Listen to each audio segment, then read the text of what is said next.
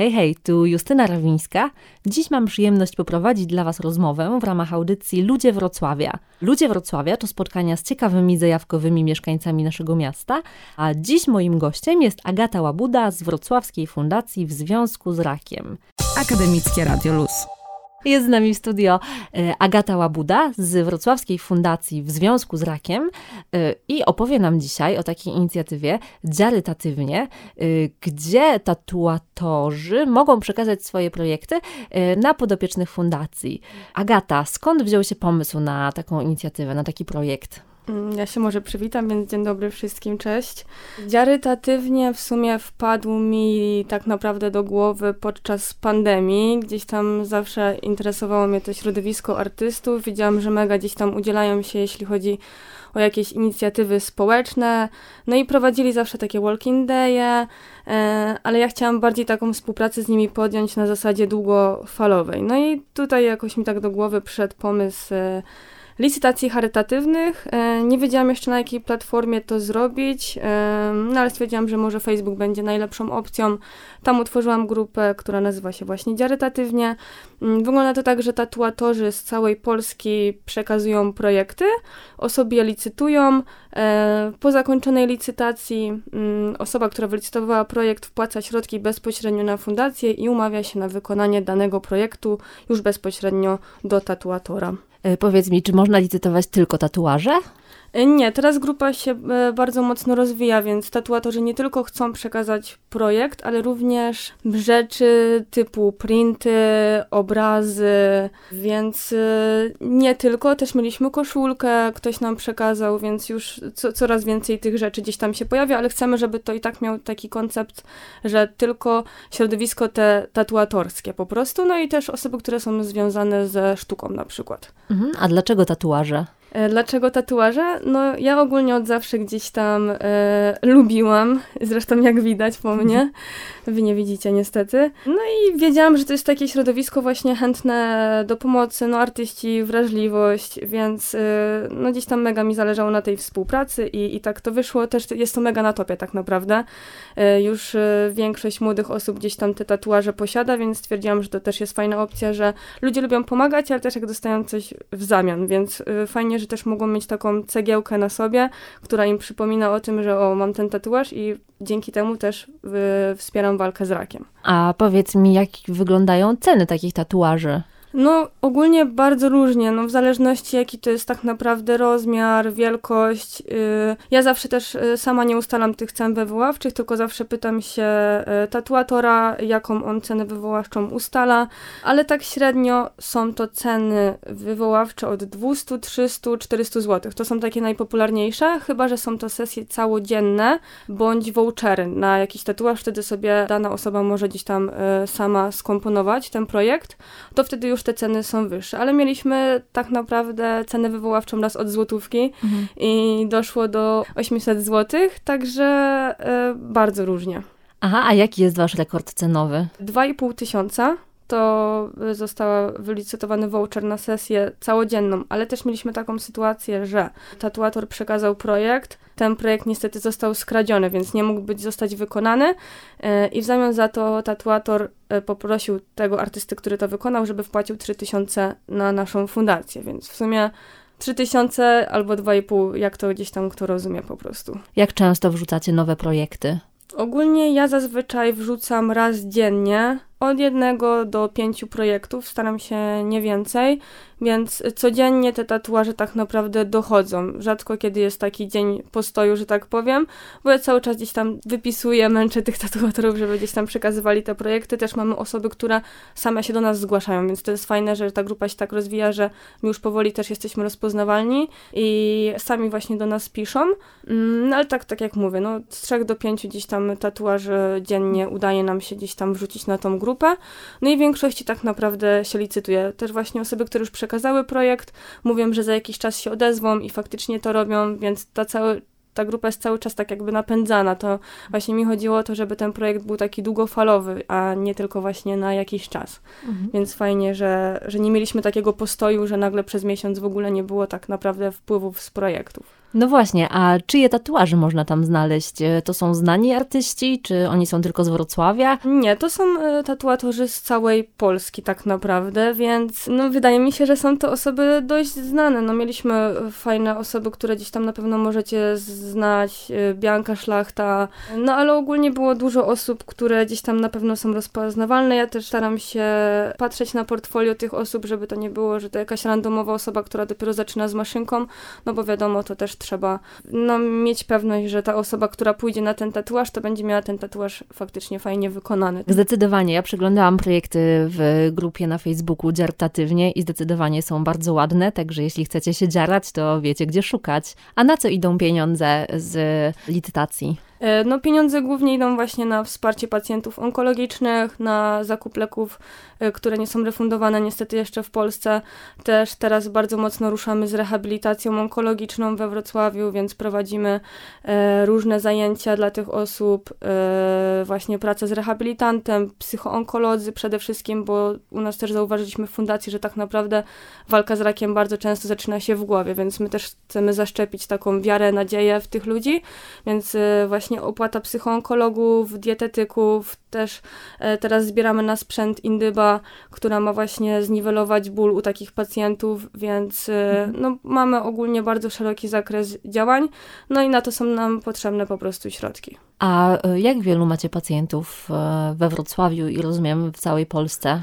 Aktualnie mamy 12 podopiecznych, którym czynnie pomagamy. No niestety mamy taki profil fundacji, a nie inny, więc mamy bardzo dużą rotację niestety.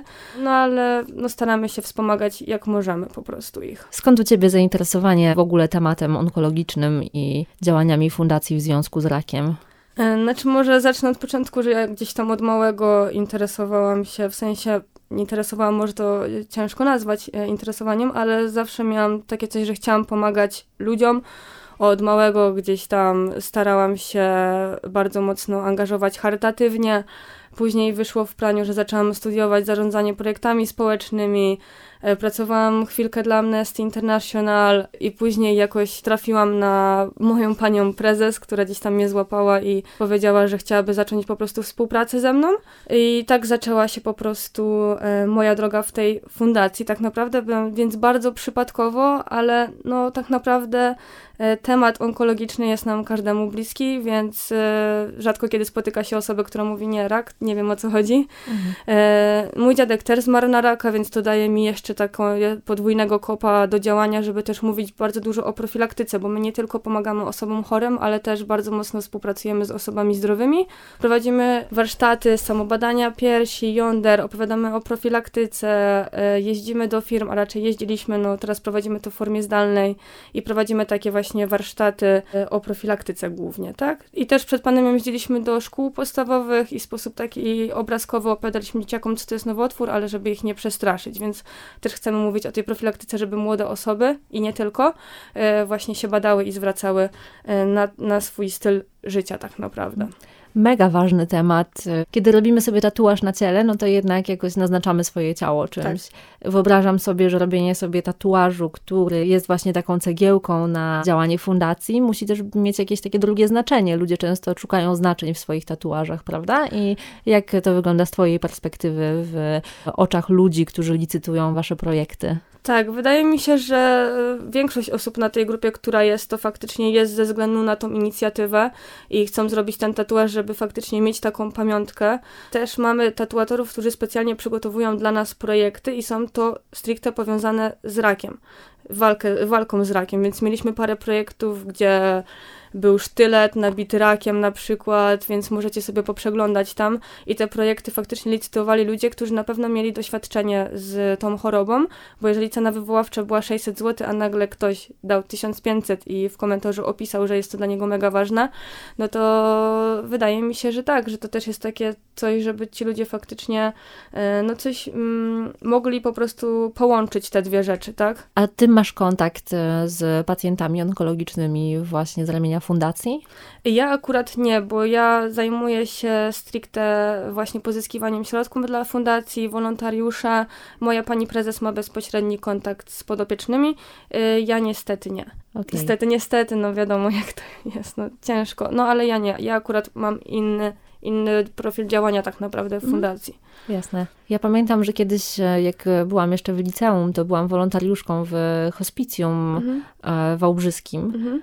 I pamiętam, że praca właśnie z osobami onkologicznie chorymi była z jednej strony bardzo trudna, a z drugiej strony, że przynosiło tym pacjentom to ogromną radość, że przychodzili młodzi ludzie odwiedzać ich i spędzać z nimi czas. Sadziliśmy tam żonkile, czytaliśmy im książki, że czasami po prostu wpadaliśmy tam jako taka grupa Mhm. e, dzieciaków, no i wnosiliśmy jakieś życie do tego hospicjum. Z naszej perspektywy wtedy to nie było jakieś turbo trudne doświadczenie, no bo chyba nie patrzyliśmy na to w ten sposób e, jakiś taki obciążający, ale pamiętam, że wielu dorosłych się dziwiło i miało takie poczucie, że co ci młodzi ludzie robią Mhm. w tym hospicjum, że to musi być strasznie trudne pracować z umierającymi ludźmi. To prawda. No też w ogóle ja planuję takie kółko onkologiczne założyć, bo też widzę, że tym osobom pomaga to i z rozmów, bo czasami też rozmawiam z osobami, które gdzieś tam chorują, e, ale to bardzo przypadkowo po prostu się tak zdarza, że ja mówię o profilu fundacji i ktoś gdzieś tam mówi i jak chorował na nowotwór, to dużo osób mówi, że go tak jakby uratowało to, że on wiedział, że komuś się udało wyzdrowieć. I że fajnie by było takie spotkania prowadzić osoby, które gdzieś tam chorują, z osobami, które już właśnie wyzdrowiały. Wiadomo, że musiałby być psycholog w tym wszystkim, no bo to musiałoby być takie e, pod nadzorem. No ale właśnie też taki nasz hasło przewodnie fundacji to jest rak to nie wyrok. Bardzo, bardzo ważny temat. W jakim wieku są wasi pacjenci, wasi podopieczni? Raczej to są osoby starsze, ze względu na to, że tutaj bardzo mocno i bardzo fajnie tak naprawdę działa przylądek nadziei, więc y, jak dzieciaki chorują, no to od razu gdzieś tam onkolodzy odsyłają do nas. U nas są właśnie bardziej osoby starsze i to jest właśnie już taki stopień trzeci, czwarty, gdzie no oni najczęściej potrzebują tych środków właśnie na leczenie, bo już Polska mówi sorry, ale nie wiemy jak wam pomóc tak naprawdę.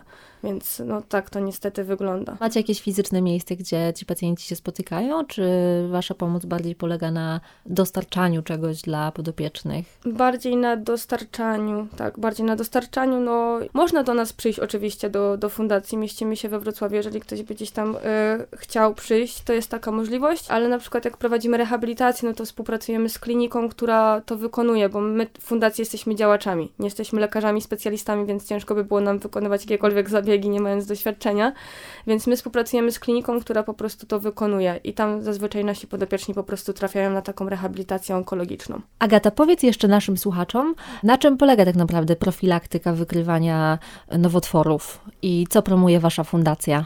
Nasza fundacja skupia się przede wszystkim, żeby opowiadać o Europejskim Kodeksie Walki z Rakiem. Jest to 12 zasad, które jak wpiszecie w Google, to wszędzie znajdziecie. 12 zasad walki z rakiem. Tak, tak, to jest Europejski Kodeks Walki z Rakiem, dokładnie. E, tam są takie podstawowe zasady. Nie pal papierosów, e, nie pij alkoholu, utrzymuj prawidłową masę ciała, co przekłada się oczywiście na ten wysiłek fizyczny, czyli te 6000 kroków dziennie wszyscy powinniśmy gdzieś tam robić. Jeść zdrowo, tak. No my też nakładamy bardzo duży nacisk na samo badanie piersi i jąder. Jeżeli prowadzimy jakieś eventy, bądź jedziemy na jakiś zorganizowany event, to zawsze zabieramy ze sobą e, fantomy piersi oraz jąder. No i pokazujemy właśnie, jak takie samo badanie wykonać. Jeżeli też ktoś chciałby e, przyjść do nas bezpośrednio właśnie do naszego biura i zobaczyć, jak się samo badać, bo na przykład nie wie, a chciałby to na żywo zobaczyć, to e, wystarczy do nas napisać i po prostu wpaść. My jesteśmy od poniedziałku do piątku, więc jeżeli ktoś by był chętny, to jak najbardziej zapraszamy. Zapraszam i sama wpadnę. Tak, tak, dokładnie. I co tam jeszcze mamy? No, opowiadamy o badaniach kontrolnych, żeby właśnie e, mężczyźni chodzili do urologa raz na jakiś czas, żeby kobiety wykonywały cytologię, żeby badania krwi przede wszystkim robić, bo dużo młodych osób gdzieś tam mówi, a jestem zdrowy, jest wszystko ok, to nie, po co mi badanie krwi, nawet takie podstawowe jak morfologia. Więc na tym się gdzieś tam stricte skupiamy właśnie, na takich podstawowych po prostu e, rzeczach, gdzie każda osoba powinna o tym wiedzieć, żeby takie badania po prostu wykonywać. Czyli nie palcie papierosów, nie pijcie alkoholu, Tak. uprawiajcie sport, badajcie się regularnie i jeszcze róbcie badania krwi. Tak, W dokładnie. skrócie. Tak, w wielkim skrócie, dokładnie. I samo badanie, nie wiem, czy było powiedziane. I samo badanie. Tak, Dobrze. samo badanie. Obserwujcie swoje ciało po prostu. Obserwujcie swoje ciała, no i dziarajcie ciała, bo dziarki akurat tutaj niczemu nie szkodzą. Dokładnie. Agata, opowiedz jeszcze, jak e, ktoś chciałby właśnie zrobić sobie taki tatuaż, żeby dochód został przekazany na waszą fundację, e, to co ma zrobić? Wejść na Facebooka, wyszukać naszą grupę dziarytatywnie, dołączyć do grupy, obserwować e, dane projekty, vouchery, printy, cokolwiek mu się spodoba i wtedy licytować. Musi obserwować, kiedy ta licytacja się zakończy. Ja też zawsze dzień przed licytacją piszę taki komentarz, że ostatni dzień licytacji, żeby osoby też wiedziały mniej więcej. No i tyle. I cieszyć się tatuażem tak, lub printem. Tatuażem dokładnie i dołożyć cegiełkę do wsparcia naszych podopiecznych przede wszystkim, bo to jest to, na czym nam najbardziej zależy. U nas w studio dzisiaj Agata Łabuda z Fundacji W Związku z Rakiem opowiadała o inicjatywie Dziartatywnie, którą możecie znaleźć na facebookowej grupie. Zapraszamy, licytujcie dziarki.